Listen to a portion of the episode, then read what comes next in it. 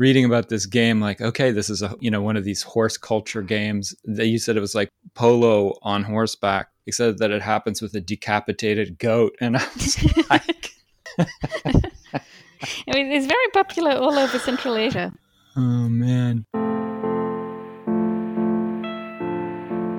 The former Soviet republics of Central Asia are not very well known in the West, even though they form a region as large as Europe. What are these countries like today, 30 years after the fall of the Soviet Union?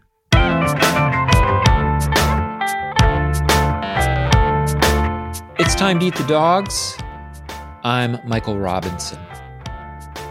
Today, Erika Fatland talks about her long journey through the Central Asian republics and the legacy of Soviet influence there.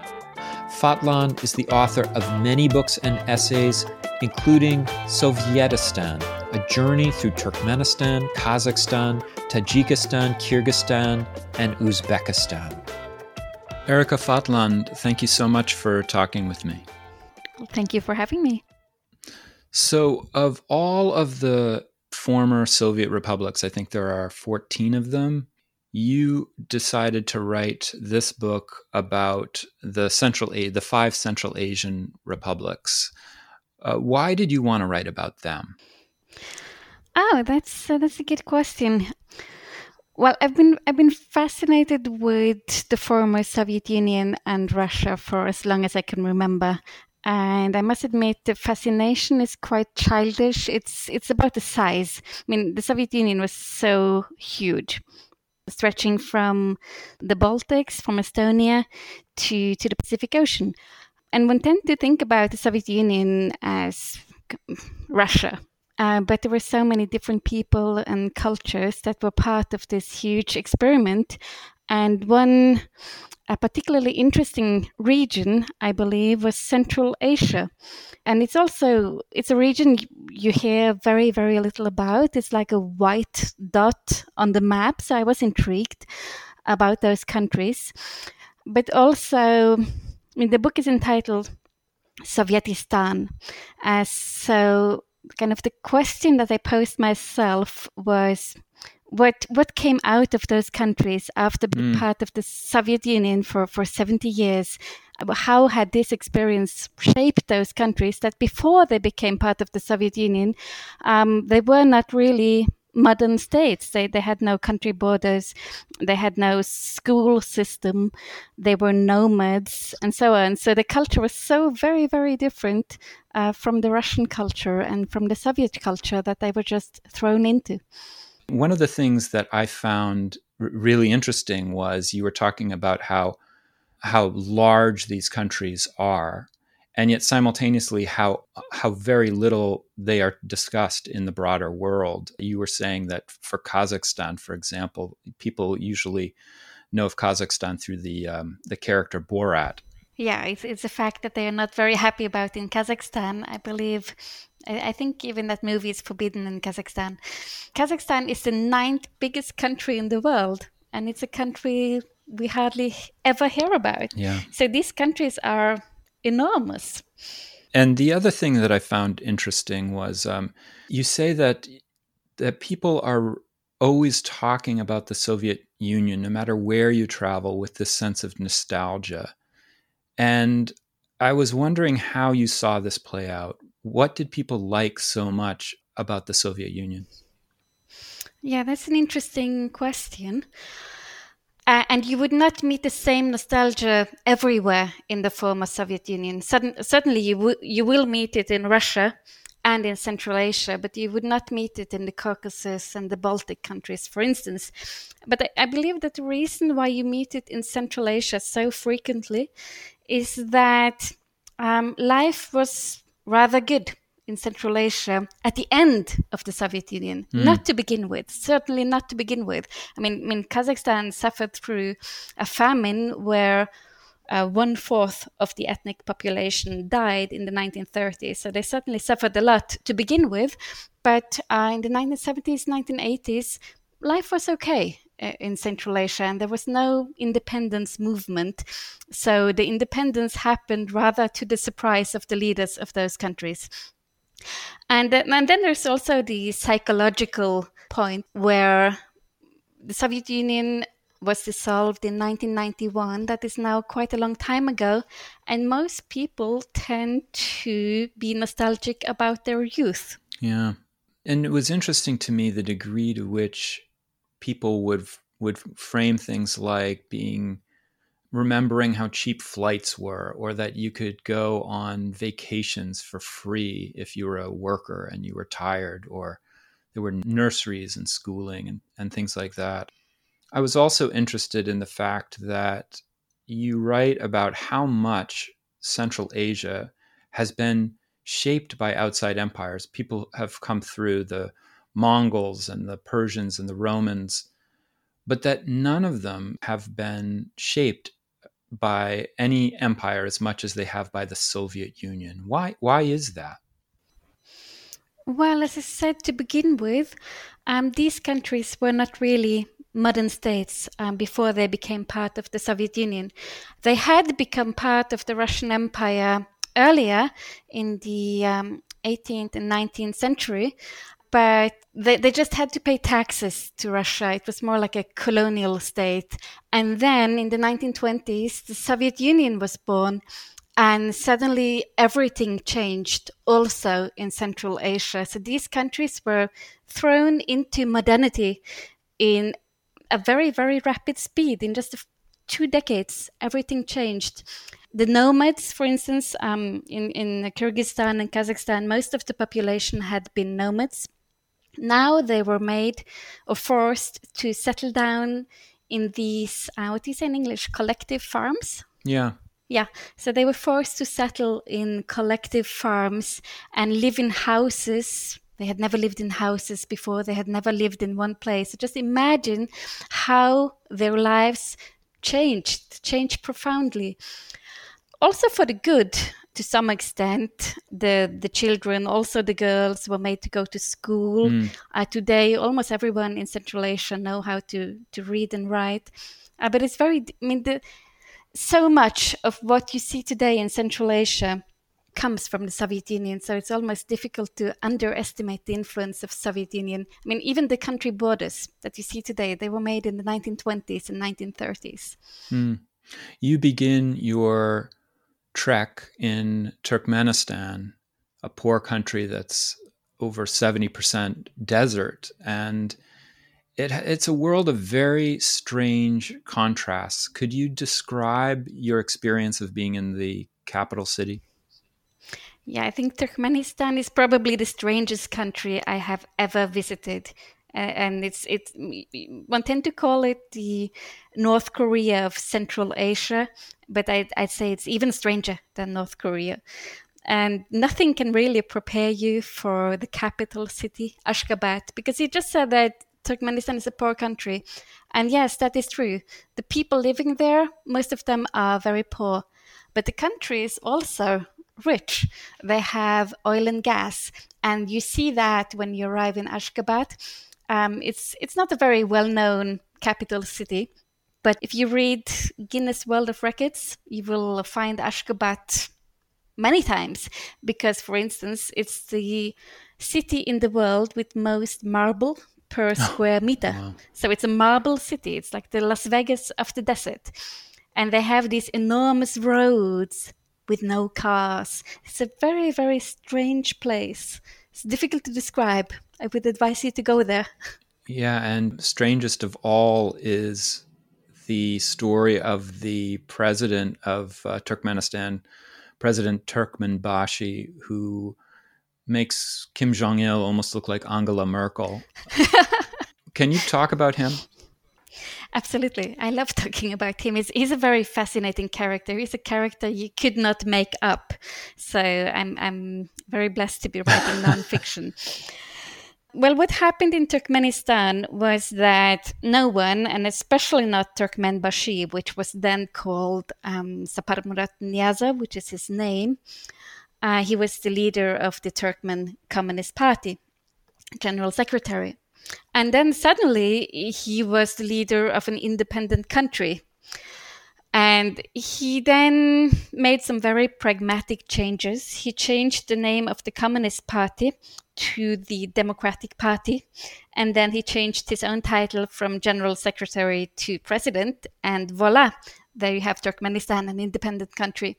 But now, uh, interestingly, no one in Moscow uh, was controlling him anymore. So now suddenly he was free to do whatever he wished to do.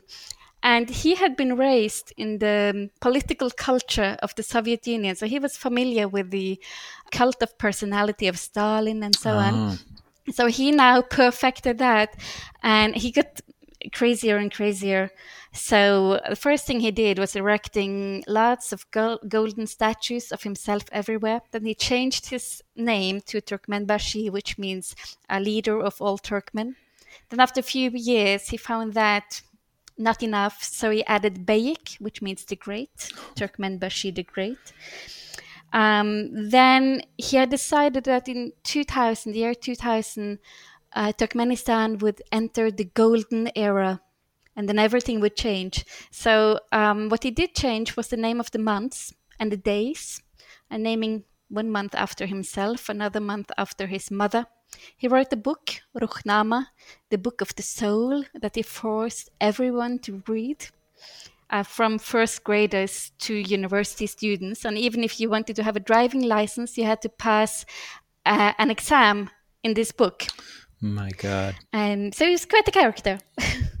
you head out into the Karakum Desert, which covers so much of Turkmenistan, and you visited a, a family with two daughters. I was really taken with this story.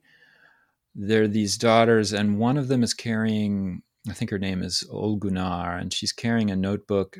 And this family is almost illiterate, and yet this young woman writes poetry in her book every day. And yeah, I found it a very captivating story. I don't know if you had anything you that you uh, wanted to say about that. Uh, it was a very touching uh, moment to meet Ogulnar. I met her. They lived in a yurt, a tent in the desert. They were nomads. They had nothing. Well, they went to the village school, but really they had no books, nothing. And yet, this girl she was the poet of the village, and I mean, I don't even know where she had learned what poetry was, but there she was writing poetry. Uh, she would sometimes leave the animals or the cooking or whatever she was doing, run into the tent to write some poetry if she was inspired. So it's such a beautiful meeting. And it, that is always what stays with me when I return from these journeys.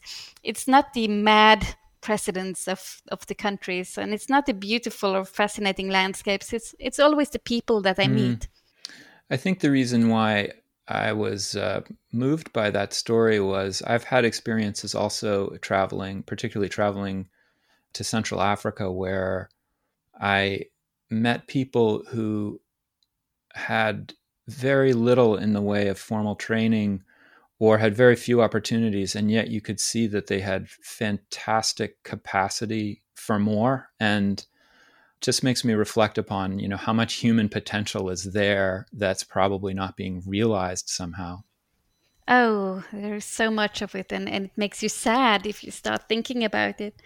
And then there is also the hospitality. I mean, Central Asia is famous for its hospitality, and, and I was invited to weddings literally every hmm. week. I get so tired of weddings. Um, but it's also very moving, and I think the most hospitable people I met in this very, very hospitable region were the poor nomads of Turkmenistan they had nothing, and yet they gave you everything mm. they hmm. had. So before we leave Turkmenistan, you have to talk about National Horse Day.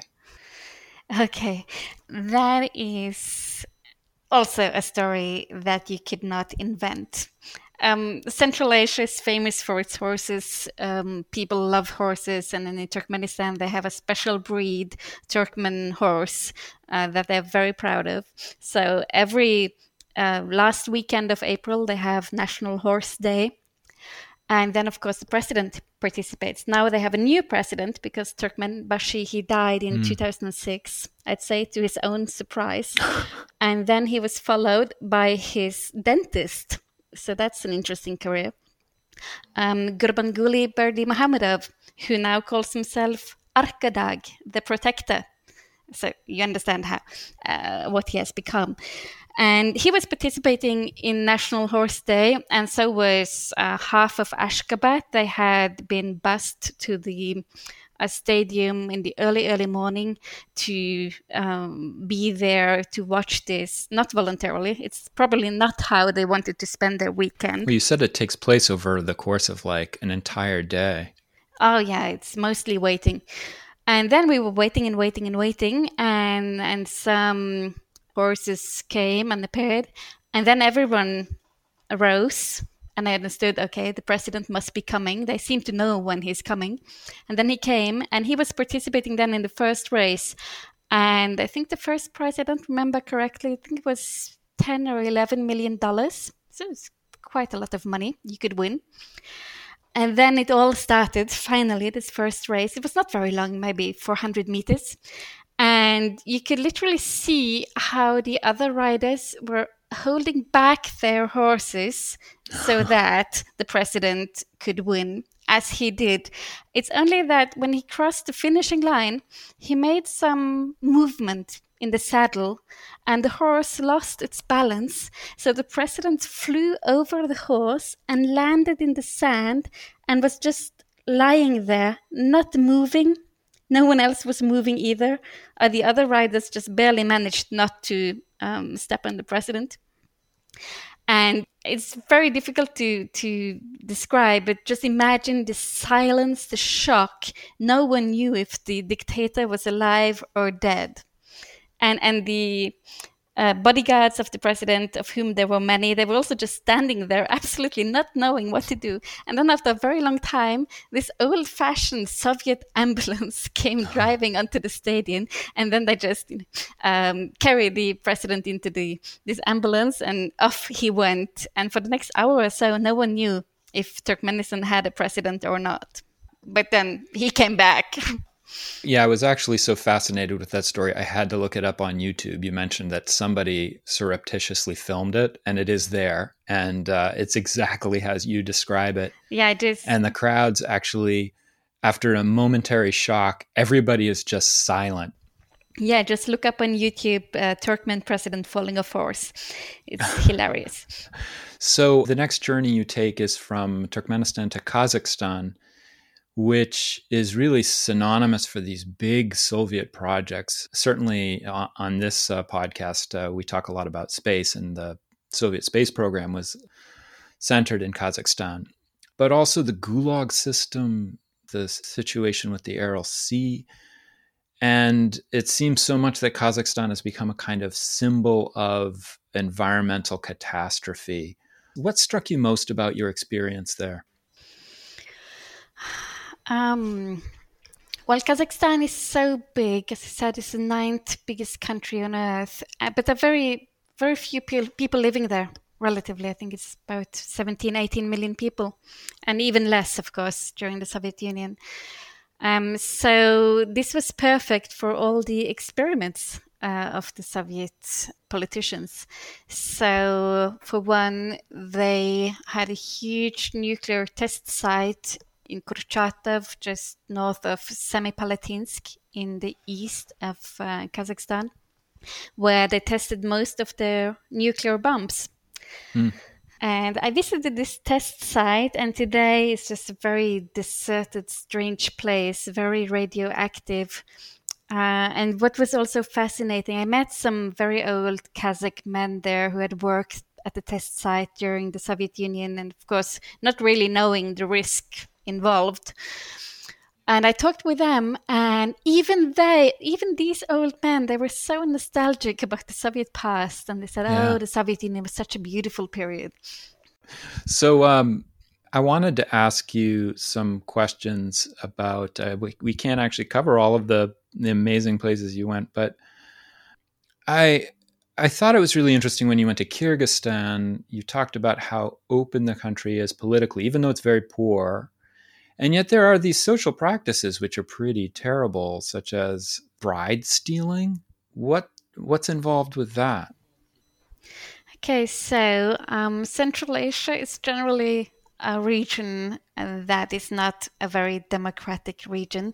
Uh, all the countries are uh, authoritarian to uh, different degrees. Um, but Kyrgyzstan, after having um, had two revolutions where the people protested against the president and had him run away from the pres- presidential palace. Uh, they now have a quite well functioning democratic system. Mm. In Kyrgyzstan. So it's of all the countries in Central Asia, it's the freest and most democratic country. But for the women, it's probably the most unfree country.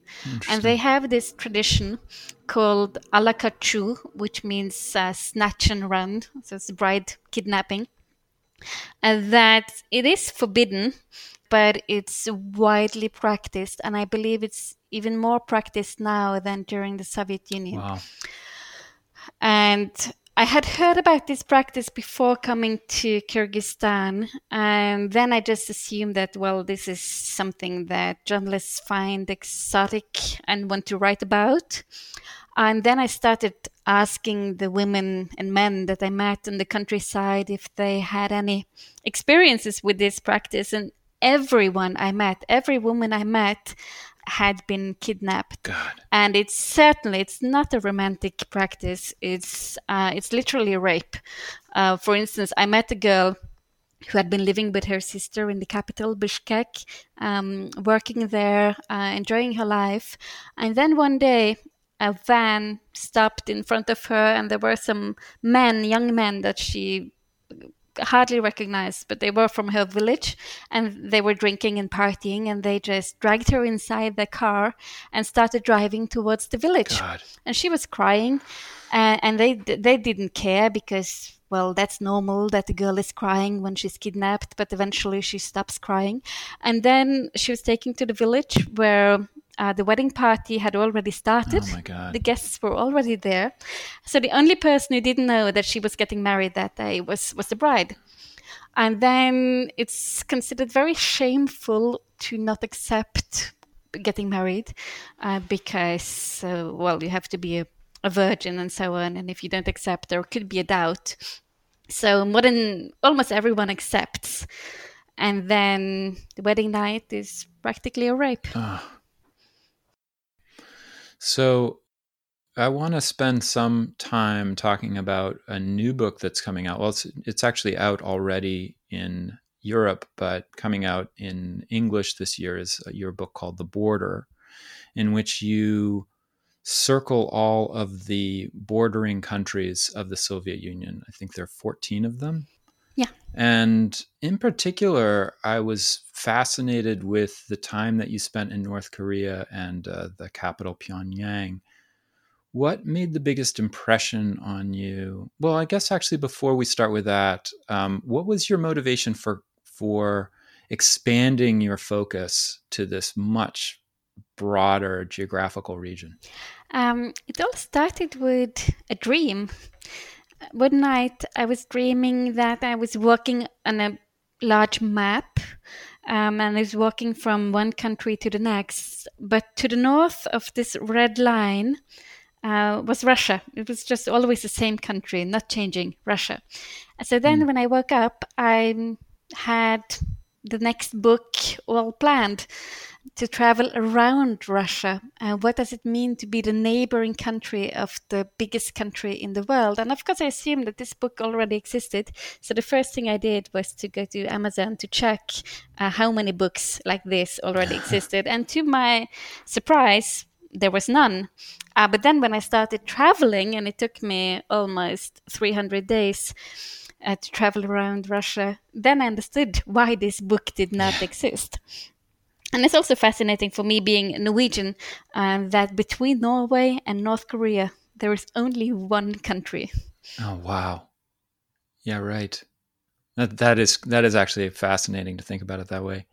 So you spent time in North Korea, uh, which is very very difficult to visit, and the stories from that chapter are remarkable. What made the biggest impression on you while you were there? Uh, that's a good question. I was there for more than two weeks and I chose a trip where I could see more of the country than just Pyongyang. Of course, my goal was to visit North North Korea, where the border to Russia is.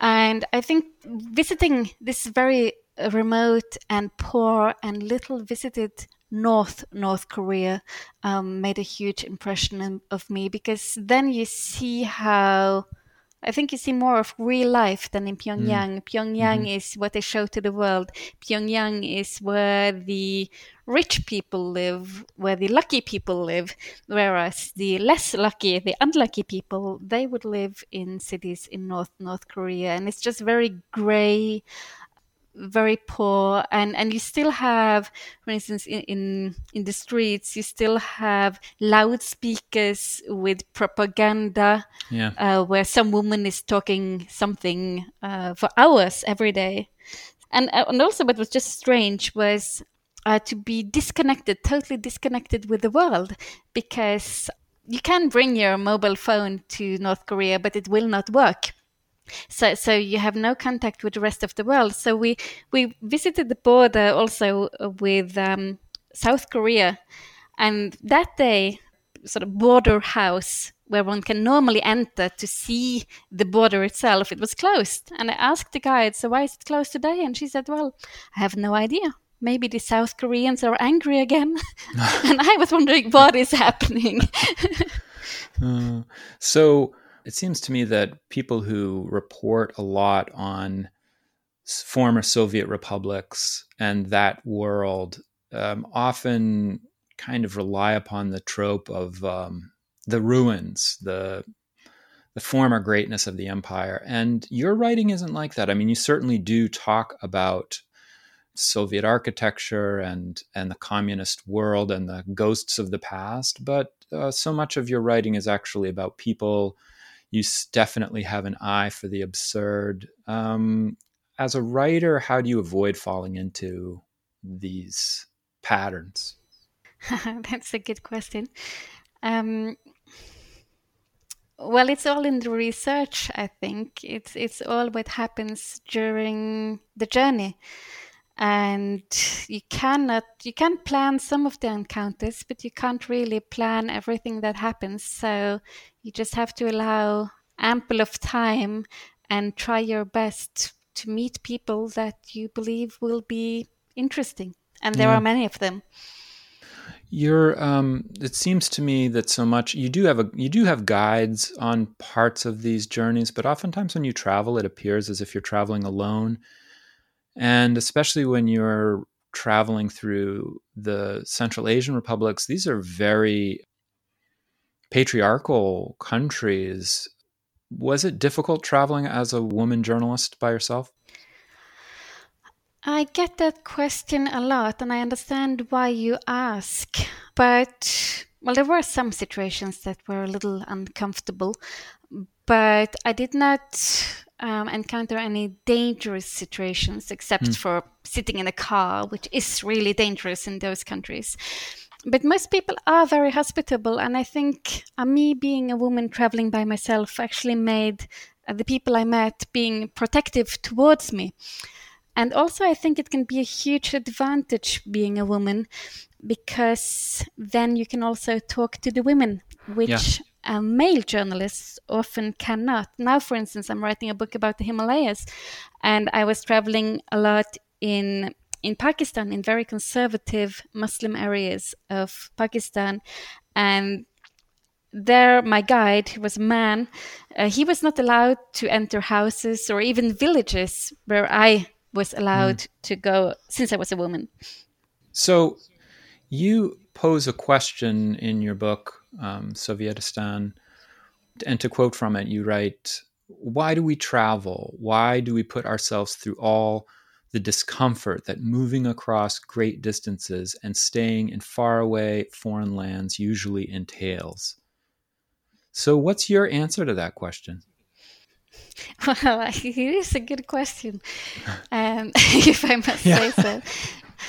Well, I, I also remember the rest of that paragraph, and I think I conclude that we travel because of our bad memories that we don't remember very well. The suffering that we encounter while traveling or the discomfort, uh, because as we travel, it is indeed very uncomfortable. But then when you come back home to your uh, nice apartment with all the comforts mm. of modern life, all all of this discomfort becomes abstract. It's just a good story that is fun to tell, and somehow it vanishes. And uh, but I also think it's for my part, it's also I think becoming an addiction. So yeah, you uh, you do answer the the question in the book, and um, you have a beautiful line here, which I'm just going to read. You say, Memory is not linear, it is more like a diagram full of points, high points, and the rest is empty. Memory is also abstract. Seen from the future, past discomfort seems almost unreal, like a dream. And I wonder sometimes whether that's true for all people or whether it's true for people who end up falling in love with travel. I don't know. It's just a question because that's the way I, f- I remember it too. Um, do you ever, I mean, you travel so much and you write extensively and prolifically. Do you ever lose yourself in the moment of travel or are you always seeing it as a writer? Uh, what do you mean by that question?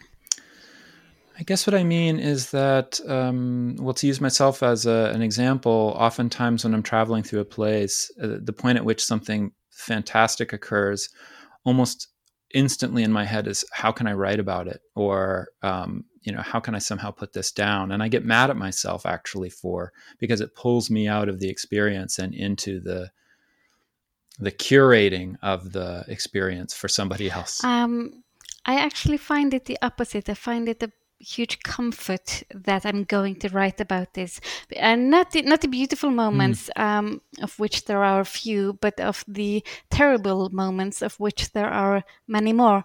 Um, for instance, you told me you were interested in Soviet space stories. So when I was doing research for the border, I visited Baikonur, uh, from where Gagarin mm. was shot into space. And I had planned this for so long because you have to plan it for a very long time to, to, to be able to go there to get the permits and so on.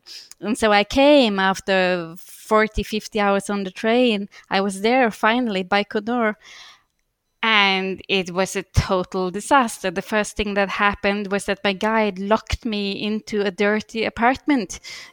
and then at least I was thinking, oh this is a disaster, but it will be a fun chapter. oh, that's great. Yeah, that's great. Erika Fatland, thank you so much for talking with me. Well, thank you. That's it for today. The music was composed by Zabrat. Make sure you check out the Time to Eat the Dog's website podcast links and other exploration related stuff. And if you get the chance, please take a minute to rate and review the show wherever you get your podcasts. It really helps make the show visible to new listeners. And if you want to recommend a guest or make a comment, feel free to contact me at time to eat the dogs, that's one word, lowercase, at gmail.com. See you next week.